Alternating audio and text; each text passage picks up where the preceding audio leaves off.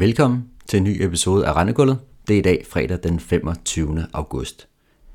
I dag vil jeg snakke lidt omkring udstedelsen i lavkupon kommenter mig, specielt etterne og specielt for RD, som jeg faktisk har set en hel del af i den her uge. Så der vil jeg lige komme lidt ind på nogle tanker på den udstedelse, vi har set, og så specielt, hvad kan vi så regne med her efter serieskiftet. Men først vil jeg lige tage og knytte et par øh, ord omkring aktionerne. Flex Float aktionerne, de er jo sluttet i øh, dag med de sidste aktioner for Jyske, så hvordan gik de egentlig talt? Og hvis vi bare tager det her i hovedtræk. Ja, et år flexer, de gik altså øh, noget billigere end prisningen var inden auktionen. Det havde vi en, øh, en tanke om, at det øh, kunne godt ske med en rimelig stor sandsynlighed. Vi synes simpelthen, at de lå lidt for dyre i forhold til der prisningen. Så aktionerne startede ud i de etårige for Jyske med cirka plus 25 basepunkter versus øh, Dester. Og det er cirka 5 basepunkter wider end det sekundære marked for inden aktionerne. I dag, jamen der sluttede salget faktisk i Jyskes etårige på et spænd på 23 basepunkter til Dester i runde tal. Så lidt wider i de etårige her på aktionen, og det var primært der supply det kom. For floaterens vedkommende, jamen så gik det sådan rimelig meget i tråd med vores øh, forventninger faktisk. Generelt picker på omkring 13 basepunkter til flexerne. Og som jeg nævnte på gangen, så synes vi altså, at det her det er en god køb, købscase med et øh, godt potentiale for at se noget tightening til flexerne fremadrettet, hvor det primære argument, jamen det er lavere udstedelse i floaterne, og nu er auktionerne faktisk også overstået for den her gang. Og hvis vi tager et blik på de her øh, kommende aktioner i floaterne, jamen når vi kommer frem til november, der er faktisk kun udløb for 10 milliarder floater fra nykredit. Spoler vi endnu længere frem til februaraktionerne, så er der samlet set udløb for 29 milliarder, som jo heller ikke er noget større beløb. Men vi skal altså helt hen til maj-auktionerne for at få seriøst store beløb. PT udløb for 137 milliarder, det kan altså sætte ny udbudsrekord i floaterne. Så der er altså lidt tid til, at vi godt kan se noget performance i, øh, i floaterne, inden den her store aktion næste år i maj måned, måske godt kan presse spænde en lille smule.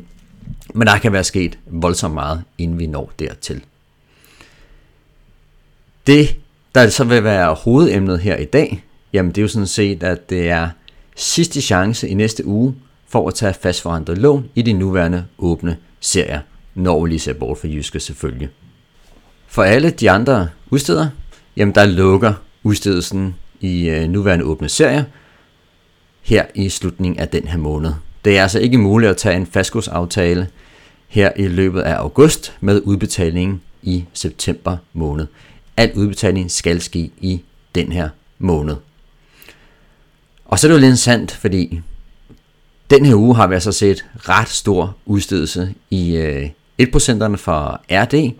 Ganske betydeligt. Vi så 280 millioner i onsdags, 150 millioner i torsdags.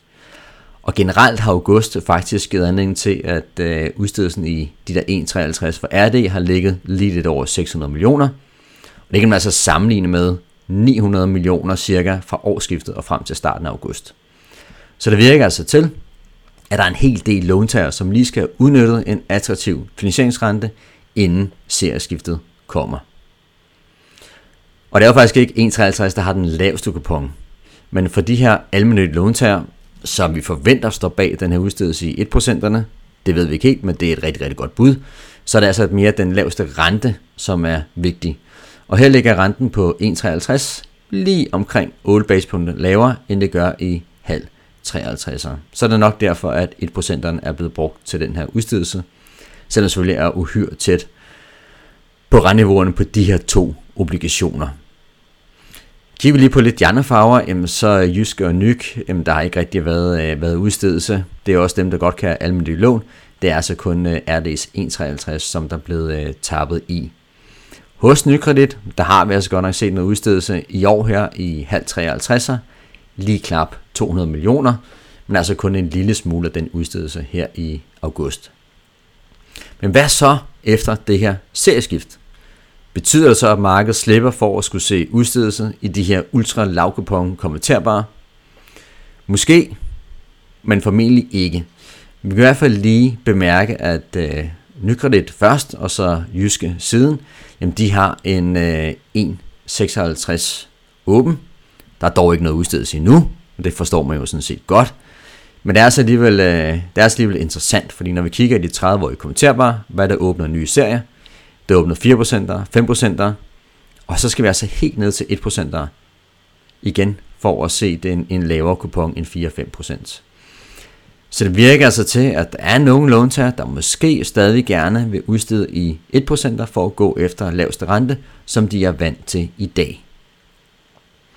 Så de her serier, ja, de er jo faktisk øh, altså 1,56'erne, Nykredit Jyske, det er altså åben for udstedelse, hvis der er nogen, der gerne vil udstede i dem.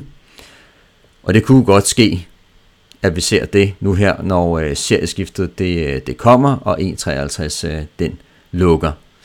Kommer der udstedes i de her 1,56 serie, jamen igen som nævnt, det er må næsten kun være almindelige låntager, der har lyst til at skulle vælge og skulle udstede i øh, den her serie. Er det til gengæld, de har faktisk ikke åbnet øh, 1,56 øh, endnu, og er heller ikke øh, sikker på, at det kommer til at ske. Det kunne selvfølgelig godt være, at der kommer en, en konkurrencesituation, hvor de her låntager gerne vil udstede i 1% som Jyske og, og Nykar på hylderne. Ja, og så kan det jo så være, at det også skal åbne det. Men der skal altså nok være rimelig god efterspørgsel fra låntagerne, før at det, øh, det kommer til at ske. Men det er selvfølgelig interessant, og jeg synes også, at jeg lige vil bruge lidt tid på at øh, diskutere, om en udstedelse i 1,56 egentlig talt er en god løsning, både for låntagerne, men sådan set også for investorerne og markedet.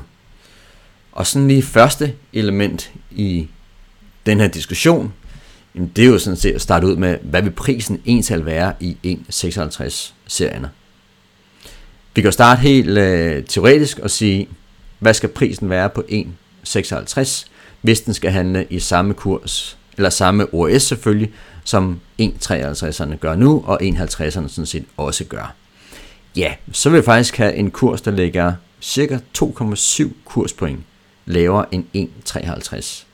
Så vi er så nede i en kurs omkring 68,3, hvis vi lige ser på lågkurserne i går i 1,56'erne. Så det er jo en forholdsvis øh, lav kurs, og der er også forholdsvis stort kursspænd til, til 1,53'erne.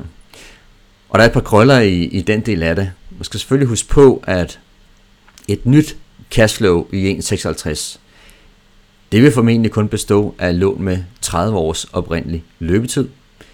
Det vil altså nok være noget længere end de løbetider, vi ser i låne i øh, 1,53'erne.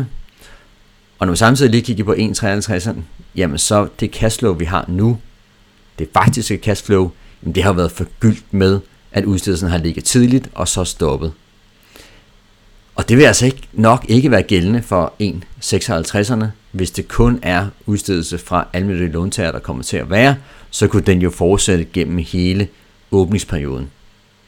Og det er altså de her forskelle her, de, eller de her faktorer, som er med til at gøre, at kursforskellen teoretisk set kan være ganske, ganske stor, altså de her 2,7 kurspoint til 1,53'erne.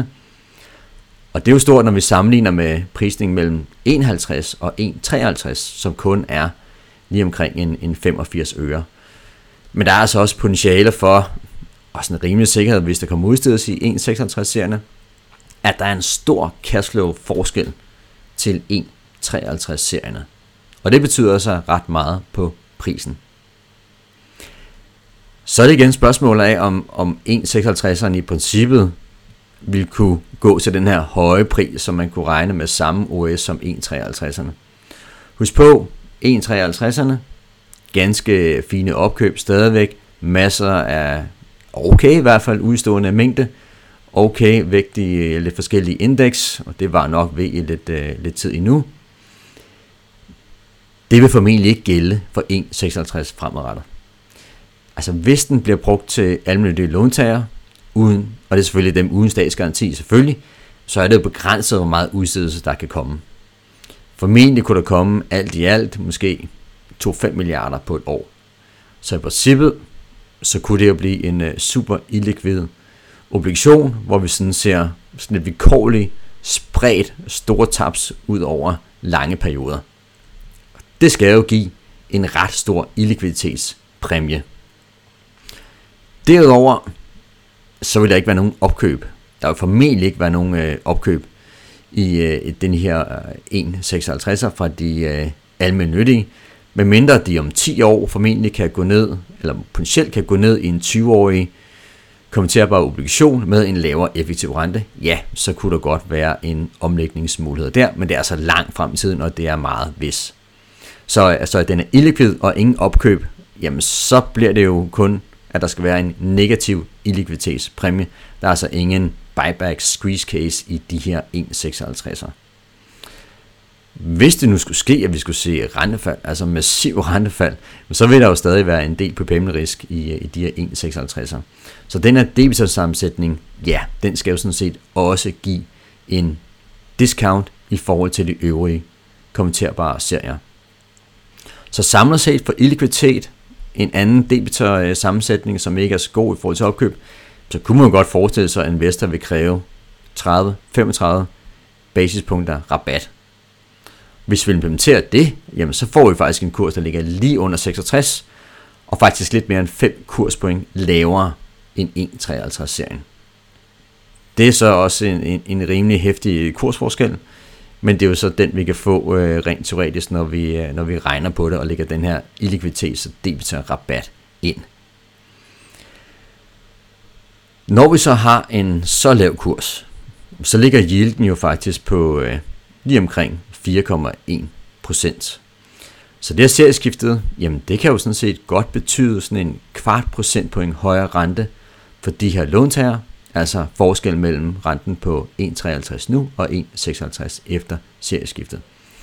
Og det er også markant mere, end vi ser serieskiftet i, øh, i 5%'erne, hvor der stort set ikke er nogen forskel. Så dermed kan jeg altså godt, for, godt forstå, at der er nogle låntager, der er travlt med at få udstedt i nuværende 1.53 serie inden slutningen af næste uge. Og potentielt set kan der selvfølgelig godt komme mere udstedelse i øh, eksempelvis RD's 1.53 i næste uge. Det må tiden vise. Er det så en god idé for låntager at skulle tage lån 1.56? Jeg har så svært ved at se den øh, gode idé i det. Okay, fair nok kan man sige, låntager kan spare cirka måske 1,2 procentpoint i, øh, i rente i forhold til at tage en 556 serie. Men det er nok også det maksimale. Altså reelt kan man hurtigt se scenarier, hvor den her besparelse, den initiale besparelse på øh, den effektive rente, meget hurtigt kan blive reduceret, hvis renterne de falder, og man så hvis man lå i en 5% kunne komme til, komme til at ned til en 4%, og måske senere 3%. Man kan i hvert fald hurtigt stille scenarier op, hvor det faktisk bliver noget dyrere rentemæssigt at ligge i 1,56 serien, i stedet for at tage en af de højere kuponer. Samtidig jamen, så er der også risiko for en massiv stigning af restgælden. Og så kan man sige, ja, en almindelig låntager skal næppe ud af det der lån igen, men på den side vil man jo heller aldrig lige, hvad der præcis sker over de næste 10, 20, 30 år. Så man kan sige, spørgsmålet er, skal man tage en 1,56 eller tage en høj kupon? Altså det er jo lidt samme diskussion, som der øh, er hidtil i øh, 1,53'eren versus 5,53'eren. Men man kan bare sige, at de vilkår, der ligger i prisningen i 1,56, mere illikviditet, dårligere debitorfordeling, jamen den er så, det gør bare, at øh, den her betragtning bliver endnu værre her efter serieskiftet, end det er PT. Så der kunne også godt være argumenter for at øh, prøve at kigge på øh, at udstede i andre obligationer end lige præcis de her lavkuponer. Man kan selvfølgelig også lige kigge og sige, jamen er det egentlig en god idé for institutterne at have en udstedelse i 1,56'erne, eller en god idé for markedet, og det er det formentlig ikke. Altså jeg tror ikke, der er nogen investorer, der, øh, der kræver, at der skal åbne sådan en 1% igen. Heller ikke nogen markedsmæssige faktorer, der gør, at der skulle være en 1% der i, øh, igen, tænker jeg. Og med det her lån skal på hylden, nok snarere tvært imod. Og så har vi den del, at likviditeten for udstedelse, jamen igen, den bliver spredt over lidt flere fondskoder, og det er jo ikke super positivt, når likviditeten i forvejen ikke er særlig god. Så kan man sige, ja, det giver lidt mildere debitorfordeling i 5%, hvis der er almindelige låntager ender i 1%, så andre låntager kan få en marginal bedre pris i 5%. Det er lidt mere en, en teoretisk tanke, samlet set øh, synes jeg, det vil være ringere at skulle se ringer fra markedet og likviditet som helhed og se udstedelse i 1,56 i stedet for at blande ind i de højere kuponer fra almindelige låntager. Så man kan bestemt overveje, om, øh, om det er en god idé, både fra instituttets side, men også fra, fra låntagerne. Og låntagerne, hvis vi snakker de almindelige, jamen så skal vi jo nok endnu længere tilbage, altså skridt længere tilbage, kigge på lovgivning omkring de almindelige låntager, om der virkelig skal være et krav om, at det skal, skal være den lavest mulige rente, som de skal optage lån i, og måske skulle man skele lidt til også om man kunne begrænse det her initiale kurstab også. Så lige for at samle, samle op på den her episode, ja, i næste uge, så er det altså slut med udstedelse i 53 serie, 43 serie med videre for alle udstedere. Potentiel udstedelse fra almindelige låntager, ja, den kunne sådan set godt ske 1,56 efter serieskiftet. Ikke givet, øh, men bestemt øh, muligt. Hvad skal prisen være på 1,56'erne? Kort sagt, den skal være lav. Cirka 2,7 til måske 5 kurspoint i forhold til 1,53'erne. Måske tættere på de 2,7 kurspoint end, øh, end de 5 kurspoint. Og det er altså på grund af illikviditet og en ringere debitfordeling. Spændende at se, det bliver det i hvert fald, synes jeg. Og den her prisning er sådan lidt specielle kommenterbare serier og vi kigger langt frem i tiden her, jamen så kunne det jo også godt kaste lidt lys over de her mulige eller kommende havvindfinansiering, som der skal ske på et uh, tidspunkt, og som jo måske i princippet godt kunne ske i specielle grønne kommenterbare, hvis altså låntagerne ønsker en øh, fast rente. Og lige omkring det her emne er der en hel masse forskellige øh, krøller til, og vi har faktisk også sat en øh, konference op med en række virkelig dygtige øh, talere for at dække det her emne fuldt ud fra udbud af projekter og ned til finansiering i realkreditserier. Det er præcis om en måned, den 25. september. Tag fat i mig eller en af dine øh, salgsmænd for en øh, invitation, hvis du ikke har modtaget en endnu og sagt øh, OK til, at du kommer. Det var det hele for den her gang. Tak fordi du lyttede med, og have en rigtig god weekend.